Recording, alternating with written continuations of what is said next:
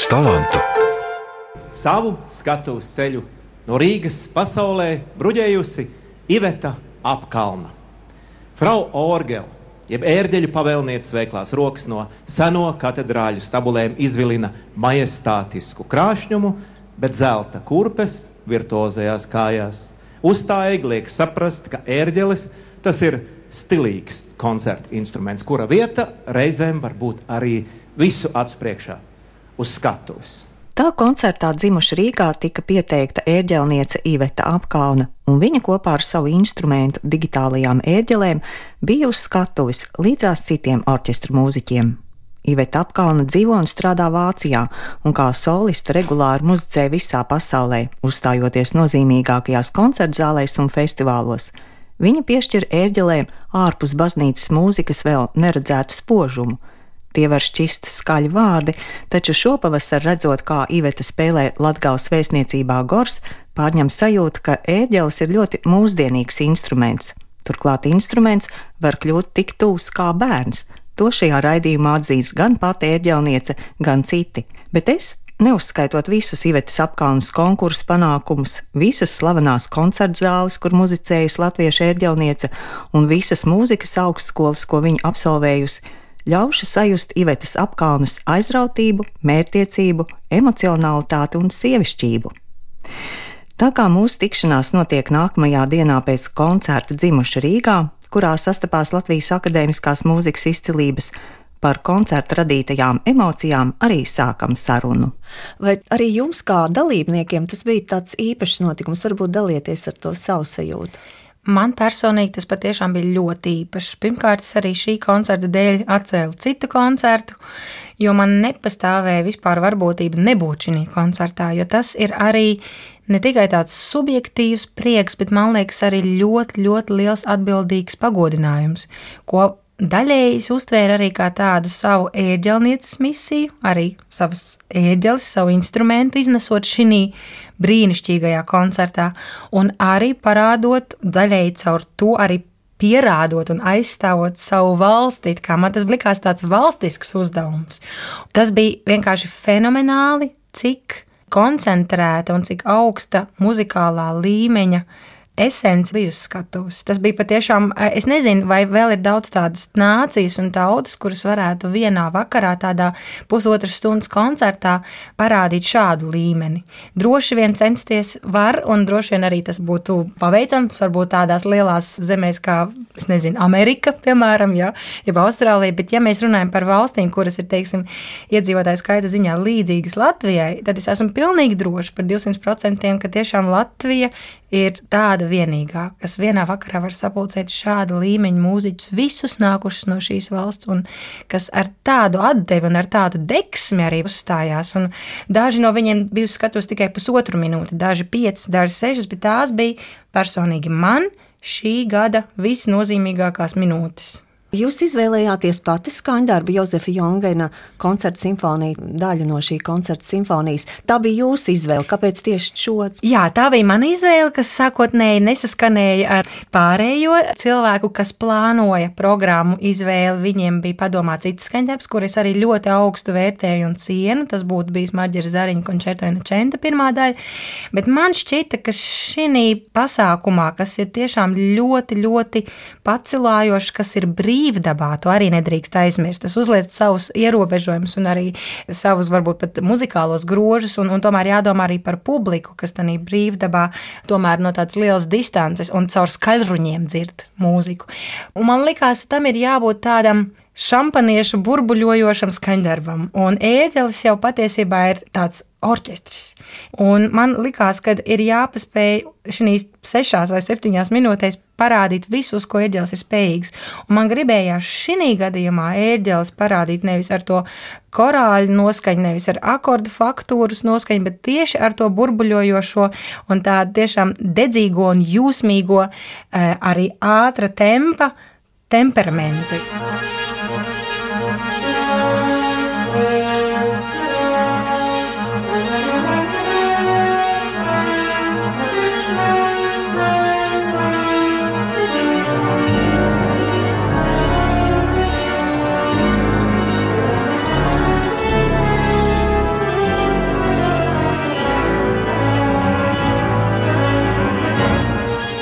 Vai arī tā visa izvietošana un tā atrašanās jums bija komfortabla? Es domāju, starp orķestri, starp mūziķiem. Nu, patiesībā jau, ja man jāsaka, pavisam godīgi, tā nebija tā komfortablākā, bet tajā brīdī, kad mēs esam visi principā uz vienas skatuves.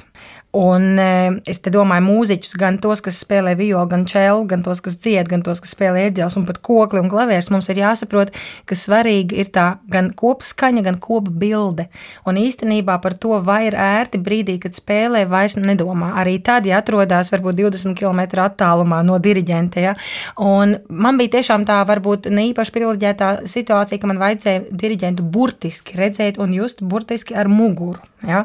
Bet man bija sajūta, ka diriģentam Andrim Pogam, tāpat arī orķestrim, kurš bija tiešām fenomenāli labi sagatavojies un kurš bija ļoti labā līmenī, ka patiesībā mēs sajūtām viens otru jau pirmajā mēģinājumā. Un patiesībā pēc šīs vienas reizes, pēc šīm septiņām minūtēm, mēs sapratām, jā, bet ir gatavs. Mēs īstenībā jūtam, un, un man liekas, tas bija tik interesanti arī saprast, ka arī ar muguru es varēšu visus šos mūziķus just, un arī caur manu muguru pusi arī Andris spējas sajust mani, un es jūtos patiešām ļoti ērti. Teorētiski skatoties šo pozīciju, man jāsaka, tā, protams, nav tā ērtākā, bet es jūtos ļoti, ļoti, ļoti komfortabli uz skatuves tieši brīdī, kad bija jāuzstājās. Jums bija arī asistenti, kas arī ir uh, ļoti svarīga persona. Vai Jā. tā jums vienmēr ir viena un tā pati? Nē, man asistents katru reizi, katrā koncertā, katrā valstī un pilsētā ir cits. Un šī gadījumā tā bija meitene, kas patiesībā arī nav ēģelniece un kas patiesībā arī nav ēģeļa asistente. Man bija vairāk nepieciešams nožu šķīrēs šī gadījumā, jo skaņdarbu, kur es atskaņoju, viņš ir ļoti ātrā tempā, un tur nav tiešām neviena, ne mazākā pat 16 daļa pauze, un man nav laika pašai pāršķirt ne notis, ne arī piespiest kādu reģistru. Un es biju ļoti, ļoti priecīga, ka šī meitene tiešām varēja brīnišķīgi palīdzēt arī ar reģistru slēgšanu, kaut gan tā bija viņai viņas dzīvē, manuprāt, pirmā reize.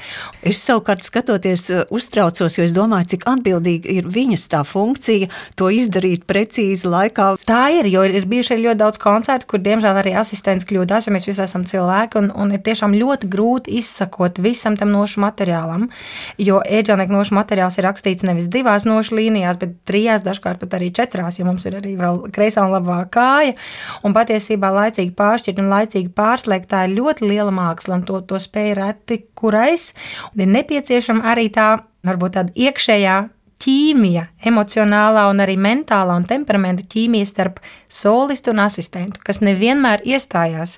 Un dažām reizēm koncertam beidzot arī viņa joprojām nav atnākusi. Bet man šī brīdī, kad es esmu skatos, lai tas būtu San Francisco vai Vašingtona vai Berlīna vai Vīne, man šī brīdī šis asistents ir jāmīl. Vai jums ir bieži tādi festivāli, kuros jūs spēlējat ērģeles tieši brīvā dabā? Ļoti bieži nav, bet ir bijuši gadījumi. Un, un tāds varbūt vislielākais un neaizmirstamākais brīdis ir bijis Berlīnē Valdbjūnas skatuve, kā 20,000 klausītāju priekšā. Es kopā ar Berlīnas filharmoniķiem Klaudijā Bādo piedalījos Berlioz Deum atskaņošanā, un šis bija arī neplānots brīvdabas koncerts. Šis koncerts sākotnēji tika plānots Berlīnas filharmonijā 2008. gada maijā, bet pat cik tieši 2008. gada maijā dienās, kad mēs vēl mēģinājām, Berlīnas filharmonijas jumts dūmoja un dega. Berlīnas filharmonija tika arī tieši uz šīm dienām, protams, tāpēc arī slēgta. Mums bija jāpārvietojas kaut kur citur. Un šis lūk bija tas gadījums, ka pārvietot orķestri, diriģentu arī nav vienkārši. Un arī pēkšņi visu publiku, kas ir iegādājusies biļetes uz filharmoniju, pārvietot uz Valdbjūnu skatu, tas jau pats par sevi bija ļoti liels izaicinājums. Bet lūk, ko darīt ar ērģelēm. Tā tad ir jāatrod ērģeles, ir jāatrod labas, lielas digitālās ērģeles, viņas ir jāpaspēj piegādāt, viņas ir jāpaspēj pieslēgt, un tas viss jau ir nākošā dienā. Plus man ir jāpaspēj arī pie viņām pierast, uz viņām sareģistrēt, uz viņām izmēģināt, un tad stāties 20,000 klausītāju priekšā un spēlēt. Tas bija tiešām ļoti, ļoti liels izaicinājums, bet ļoti, ļoti veiksmīgs koncerts. Un manā dzīvē tas patiešām ir, ir nospēlējis ļoti lielu lomu, jo tieši sadarbība ar Klaudiju Bādo manā mūziķis dzīvē ir nozīmējusi un nozīmēs līdz, līdz manam pēdējam koncertam ļoti daudz. Neskatoties uz to, ka es neesmu bijusi pie viņa meistarklasē, es tikai ar viņu muzicēju, bet tā man bija liela skola un ļoti sava veida, varbūt pat tāda muzikāla encyklopēdija, ko es caur viņu un ar viņu izlasīju. Un, jā, šis bija arī brīvdabas koncerts. Un bez tam paši pirmie Mani brīvdabas koncerti uz digitālām ieģelēm man saistās ar Latvijas televīzijas mūzikas festivālu. Savulaik bija šāds festivāls, ko tiešraidīja arī Latvijas televīzija. Un bija vairāk šādu veidu festivāli Reizeknē, festivāla parkā. Patiešām brīvdabā ir ļoti, ļoti liela cīņa ar akustiku, ja patiesībā ar akustikas trūkumu, bet patiešām tās ir lietas, kas viņas ir tik mazsvarīgas un viņas sakārtojas pašas un viņas pakārtojas, jo tās nav tās būtiskākās. Vissvarīgākā bija šī svētku sajūta, un man nezinu, kāpēc visu laiku likās, pat ja šāds koncerts vēl manā dzīvē atkārtosies, tad tas būs jau atkārtojums, jau turpinājums, bet šāds Tas man bija pirmais, un kas to lai zina, varbūt arī šāds pēdējais koncerts, kad es tieši ar šiem visiem mūziķiem varēšu būt skatos. Man kauns atzīties, bet man pašai sava skaņa beigās arī bija asars acīs. Nevis tāpēc, ka es biju ļoti priecīga un, un laimīga par to, kā es nospēlēju, bet tāpēc, ka man bija šī sajūta, Iveta saglabā šo mirkli un izbaudi, jo tas ir jāspēj kaut kā vismaz iekšā emocionāli iegrāmatot. Un es mēģināju ar acīm un ar dvēseli un ar sirdi to nofotografēt un, un atcerēties, paturēt prātā, jo sajūta bija tiešām neaprakstāma.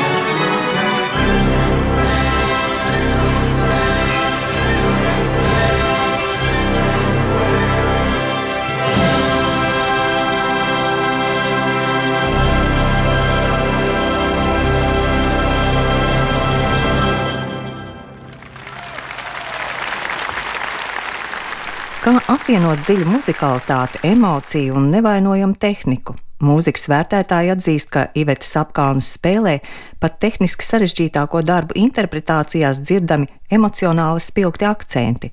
Skaidrojums iespējams saklausāms šajā brīdī. Es esmu ļoti emocionāls cilvēks. Es raudu, kad skatos kino un lasu grāmatas un skatos uz kaķiem, suņiem un maziem bērniem. Man, man tiešām esmu tāds ļoti emocionāls cilvēks. Un, un pašai dažām reizēm ir grūti savas uzstāšanās laikā savienot emocijas ar prātu, jā, teiksim, to nobalansēt. Jo, protams, viens no svarīgākajiem elementiem mums uzstājoties ir koncentrēšanās spējas.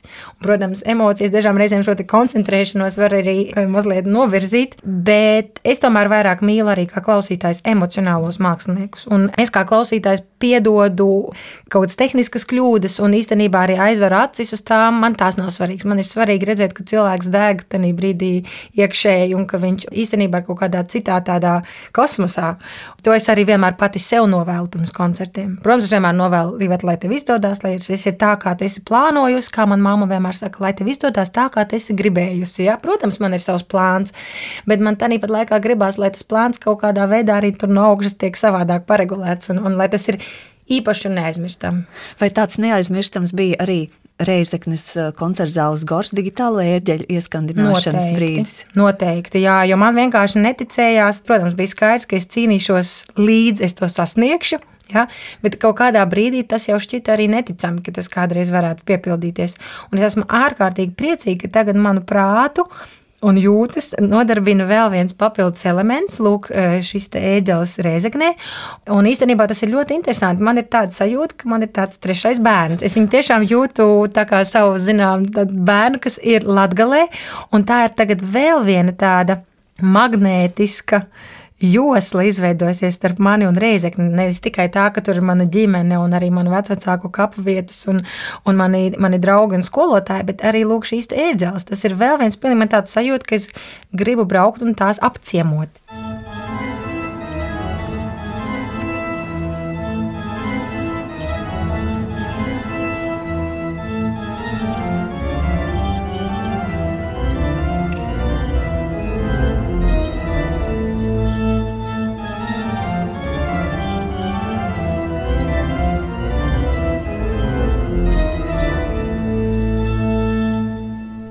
Pavasarī visi Latvijas kultūras ziņu veidotāji vēstīja par to, ka Austrum Latvijas koncerta zālē Gors būs digitālās ērģeles, kas sarūpētas pateicoties no Rēzeknes nākušās ērģelnieces Ivetas apkalnes neatlaidībai un deksmei.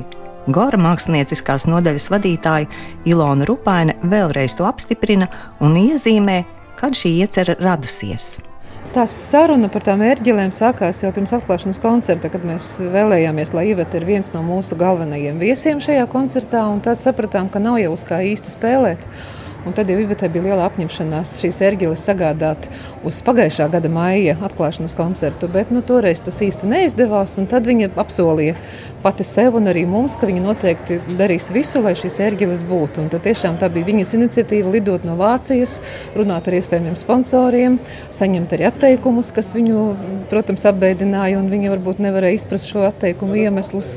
Un beigu beigās nu, tas viss vainagojās ar to, ka, nu, ka bija cilvēki, kas viņu saklausīja.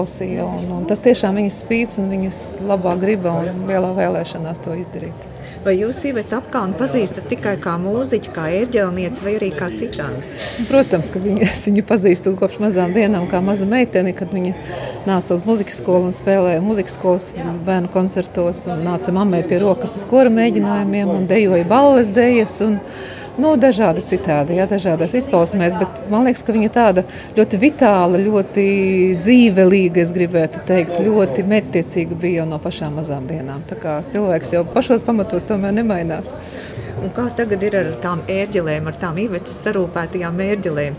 Tās gaida īvetu. Pie... Īstenībā ir tā, ka mēs paši jūtam, ka tas ir īvetes, kā mēs jau arī smējāmies, trešais bērns. Un tāpēc visu, ko mēs ar šīm ērģelēm lielās lietās vēlamies darīt, mēs, protams, runājam ar īvetu, arī uzklausām viņas vēlmes un saskaņojam. Jā, bija pēdējais piedāvājums koncertā dzimuši Rīgai ņemt ērģeles no Reizeknas digitālās, vest šos 240 km un likt uz, uz skatuves, par cik Iveta arī pati spēlēja, bet viņa arī saprot to, ka, protams, instruments ir labs un lielā vēlme spēlēt uz viņām bija, bet saprotot, ka tas ir transportēšana un ceļš un tā, un viņa arī neriskēja šīs ērģeles vest projām no mājām, un, un viņa teica, nē, ka viņa tomēr piekāpsies par, par labu ērģelēm, lai viņas paliek savā vietā, savās mājās. Katrā ziņā mēs jau tagad plānojam nākamajā gadā iespējams iesākt sākt jaunu tādu ērģelnieku festivālu ar domu ērģeles un. Un tad tur ļoti dažādas iespējas. Vai nu ērģeles un orķestris, protams, ērģeles un koris, ērģeles un teātris, ērģeles un kino, ērģeles un, un deja, ērģeles un improvizācija, ērģeles un džess. Var sakot, ļoti dažādas iespējas. Un Iveta, protams, mums nāks talkā ar mūziķu piesaisti, ar, ar kaut kādām savām idejām, jā, un mēs labprāt viņas uzklausīsim. Iveta Apkalna ir dzimusi Reizeknē un savu muzikālo izglītību iesākusi Reizeknas mūzikas vidusskolā, studējot klavieru un ērģeļu spēli. Tad sekoja studijas Jāzep Vītola Latvijas Mūzikas akadēmijā, pēc tam Londonā un Študgartē.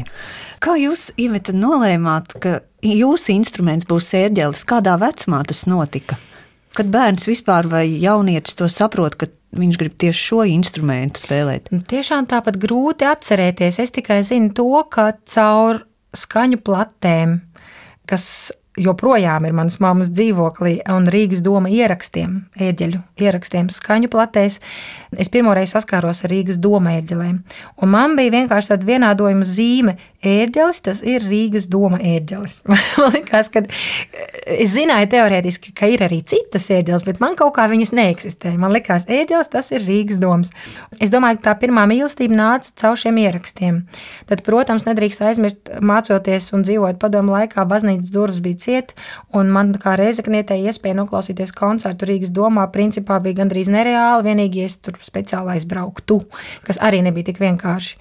Manuprāt, tāds vislielākais lūzums notika Pat ne tad, kad es sāku mācīties jau eģeļu spēli Reizeknē, bet tieši tad, kad mans tālaik profesors Tālvalds Deksnis, kurš mani mudināja stāties ar eģelnieku nodaļā, pamudināja mani piedalīties starptautiskā eģelnieku konkursā, kur man tiešām likās, ka nu, tā nu gan ir neprātīga ideja. Un godīgi sakot, man likās, ka skolotājs Tālvalds Deksnis nesaprot, cik liela atbildība un patiesībā nesagatavotu studentu viņš uz saviem pleciem uzņemās, bet es paklausīgi māju ar galvu un teicu, jā, braukšu, jā, darīšu, jā, mācīšos.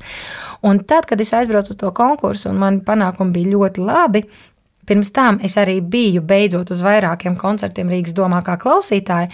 Manuprāt, tas bija tas lūzuma punkts, kur es sapratu, jā, es to gribētu darīt vienmēr, un es esmu droši vien tomēr vairāk ieģelnīca kā pianiste, jo caur klavierēm un ar klavierēm es dzīvoju jau no piecu gadu vecuma. Tas, ka es tālu vēl deksni saucu par savu ēģeļu tēti un par tādu varbūt ēģeļu krustāvu, tas ir absolūta patiesība, un tas nav piepušķots, tā tas arī ir. Es domāju, viņš bija tas, kuram ir liela pateicība parādā no manas puses, un kura vaina ir tā, ka es esmu kļuvusi par ērģelnieci. Bet lūk, kā šo konkursu un Ivetas piedalīšanos tajā atceras viņas ērģeļu tētis, jeb mums pazīstamais profesors Tālvaldis Deksnis. Pats pirmais tātad notika līdz, ko viņa bija iestājusies Mūzikas akadēmijā. Vasarā iepriekšējā pirms studiju sākuma mēs sagatavojam šo programmu, paņēmām, kas jau bija viņas repertuārā, kas bija noderīgs, un piemācījāmies klāt jaunos skaņdarbus.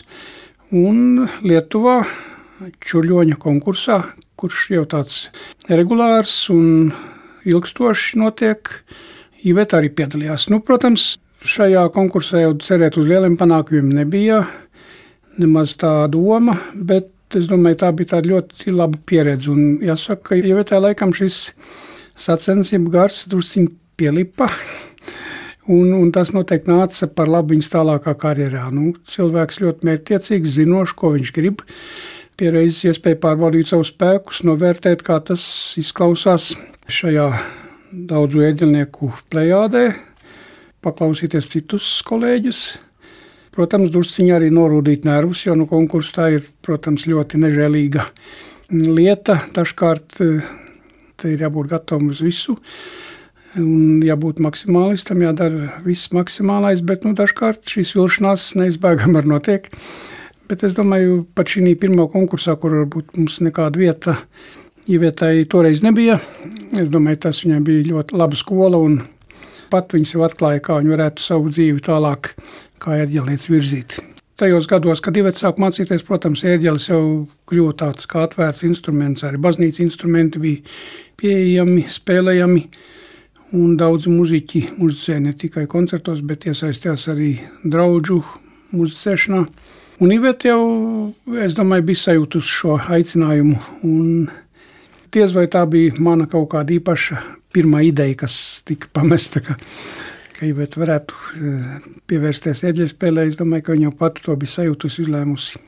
Viņai kā tāds instruments, kas uh, vilināja, bija doma ērģelis. Kā doma ērģelis īvetu pieņēma, vai jūs šeit varat kā komentēt? Pirmā saskara droši vien bija tad, kad viņa vēl nebija mūzikas akadēmija beigusi, bet bija jau kādā konkursā iegūst kādu godālu. Es domāju, tad, ja nemaldos, tika dota tāda iespēja jaunajai laureātei sniegt šeit solo koncertu. Es nepateikšu, kurā kursā tas bija, bet nu, varēja būt kādā trešā kursā, varbūt, kad viņi mācījās. Jo parasti jau mūzikas akadēmijas studenti pie domēļiem nokļūst savā beigšanas eksāmenā. Tas ir pēc 4. mācību gada, beidzot bakalaura studijas. Nu, Ievitai tas noteikti notika drusciņā ātrāk. Vai jūs arī bieži esat kā klausītājs, tad, ja ir ievetas koncerti, varbūt ne tikai šeit, Latvijā, arī ārpus, kā viņi te muzicē, bieži vien Vācijā, citvietā? Mm, nu, Latvijā, protams, es cenšos būt, ja vien kaut kas nav pašam ieplānojies tā, ka netieku. Jā, bija arī jauno digitālo ieģeļu atklāšanā Rēzeknē. Protams, vēl iepriekšējos koncertos, kas ir notikuši gan Domā, gan Jāņa baznīcā. Tāpat viņi spēlēs vecā ģertrūdas baznīcā. Ārzemēs varbūt drusciņ mazāk iespēja izņemot varbūt šos dažus konkursus, kuros man bija tā iespēja aizbraukt līdzi, pavērot, paklausīties. Tad ir jūsu satraukuma pilns tāds tas, uh, klausīšanās laiks. Nu, ja runa par konkursiem, protams, tas ir satraukums, tas ir pārbaudījums ne tikai izpildītājiem, bet noteikti arī uh, viņa pedagogam. Nu, un it sevišķi, ja tev vēl klāt ir iespēja būt. Bet es domāju, ka tagad nav nekāda iemesla vairs satraukties un man pārdzīvot, jo es zinu, ka, ka vienmēr viss būs kārtībā, ja nu vienīgi nepieviļ kāds instruments, kā tas var dažkārt gadīties, bet citādi spēles ziņā tiem nav pamata nekādām bažām. Es esmu pārliecināts, ka tur viss būs kārtībā, vislabākajā līmenī. Tā kā Iveita apkalna saka pati, ka esot emocionāls cilvēks, vai mācību laikā jūs viņu līdz uh, asarām nesat novedis? Nu, man tas dažkārt gadās, it īpaši ar studentiem darbā, ka, ka daža varbūt uh, asaru nobirst arī. Nesmu jau tik ļauns varbūt, bet nu, dažkārt manas prasības varbūt ir samērā stingras un tik viegli es neatkāpjos no aizrādījumiem, pirms viņi nav izpildīti. Arī varbūt nebija mums tādas cīņas, lai mēs tik tālu, lai tas notiktu. Atceros, ka vienā konkursā bija maza neveiksmība, ko varbūt vairāk pamanīja es un varbūt, protams, pat Iveta. Kaut kāds manuāls tika sajaukts, ne tā nospēlēts uz citu manuālu. tūlīt pēc tā spēles, prot, bet es domāju, ka tur Naru bija maksimāli uzvilkt jau spēles laikā. Un, protams, tie atslābuma brīdī druskuļi ar kādu asaru nobīra, bet jāsaka, viss beidzās labi. Žūrī to nebija īpaši pamanījusi, vai netika ņemts vērā šī mazā kļūmīte. Mūziķim ir jau labi, ja viņš ir ar stipriem nerviem, bet nu, nemazāk svarīgi ir šīs emocijas, kas mums katram cilvēkam piemīt. Emocijas, ko mēs varam ielikt mūzikā, skaņdarbos, jo te tiešām ļoti plašs spektrs. Tad dažkārt varbūt svarīgāk ir nevis tie stiprie nervi. Tā muzicēšanas procesā, es domāju, ļoti svarīga cilvēka būtība, lai atklājas ar viņu pārdzīvojumi. Tas jau parasti notiek ne tikai koncertā, bet šis darbs notiek arī iestudējuma procesā ļoti bieži. Ka, nu, tā kā es gatavoju, gatavoju, un tā koncertā izēja jau pilnīgi gatavs. Un ļoti bieži tā arī, ka tajos mēģinājumos ļoti skaisti mirkļi. Mēģinājumi skaistie brīži mums, klausītājiem, paliek nedzirdēti. Īveta sarunā atklāja, ka viņa vienmēr ērģelis fascinējušas kā koncerta instruments. Raugoties vēstures garākos nogriežņos, ērģelēm bijuši gan uzplaukuma, gan klusāki brīži.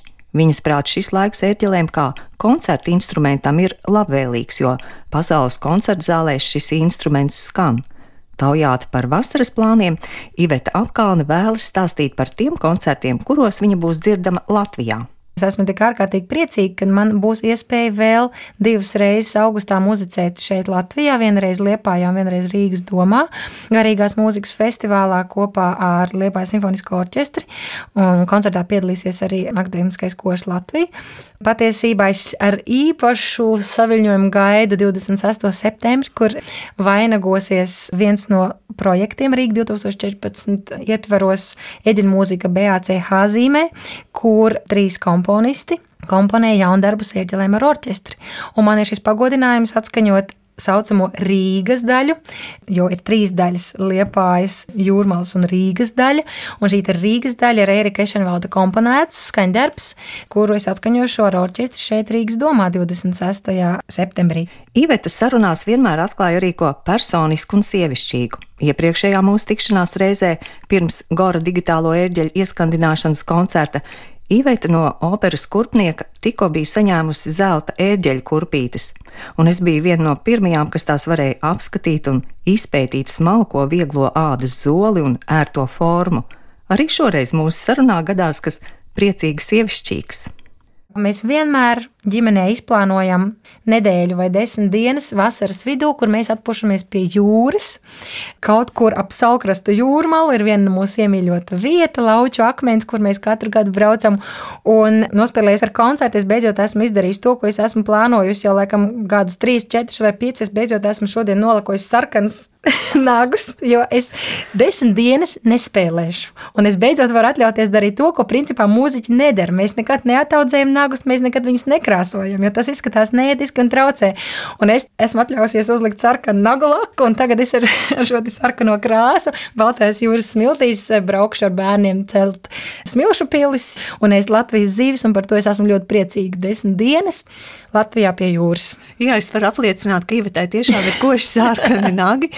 Tā kā šis redzējums skan 13. jūlijā, tad es nevaru vēl nepajautāt par šo datumu īpašo nozīmi, ko es tikai uzzinu šodien, Jā. šobrīd. Jā. Kas tad ir 13. jūlijas Ivetai apkaldē? Jā, nu īstenībā Vispār skaitlis 13 man ir dzīvē ļoti, ļoti laimīgs. Un 2003. gada 13. jūlijā tika ieskaņots mans pirmais disks. Iveta apkalna Life saucās šis disks, un patiesībā nosaukums ir ļoti vienkāršs tieši tāpēc, ka koncerta ieraksts tika veikts šī diskā. Tas nebija studijā montēts, kuru arī uzreiz izdeva izdevniecība Vācijā. Un ar šo 13. jūlija ierakstu tad aizsākās mana ļoti aktīva un piepildīta un tiešām ļoti krāsaina kā koncertējušas ieģelnieces dzīve, jo šis disks tika momentāli un ļoti ātri, labi daudzos būtiskos izdevumos recenzēts, un es tiku aicināta pēc šī diska izdošanas uz daudziem festivāliem, arī uz tādiem, kur ar ieģelniekiem nebija sadarbojušies vispār, un tāpat tās arī daudz orķestri mani aicināja. Šis disks bija tāda sava veida, tiešām neplānota vizītkarte, lai ienāktu plašajā mūzikas pasaulē, un es biju ārkārtīgi pārsteigta par vēl vienu sakritību Pagājušā gada Savukārt 13. desmit gadus jūlijā, pēc pirmās mūzikas albuma iznākšanas, tieši 13. jūlijā. Iveta Apkalna ar koncertu nedēļas Študgartē. 15. Klāt bijis albuma izdevējs, arī Študgartas mūzikas un drāmas augstskolas profesors, draugi un studiju biedri. Tāda dzirksteļojoša satikšanās. Arī mūsu tikšanās ar Ivetu Apkalnu šajā zīmīgajā datumā izskan. Šo raidījumu veidoja Guntis Suniņš un Laima Slava. Viena Rīga, daudz talantu.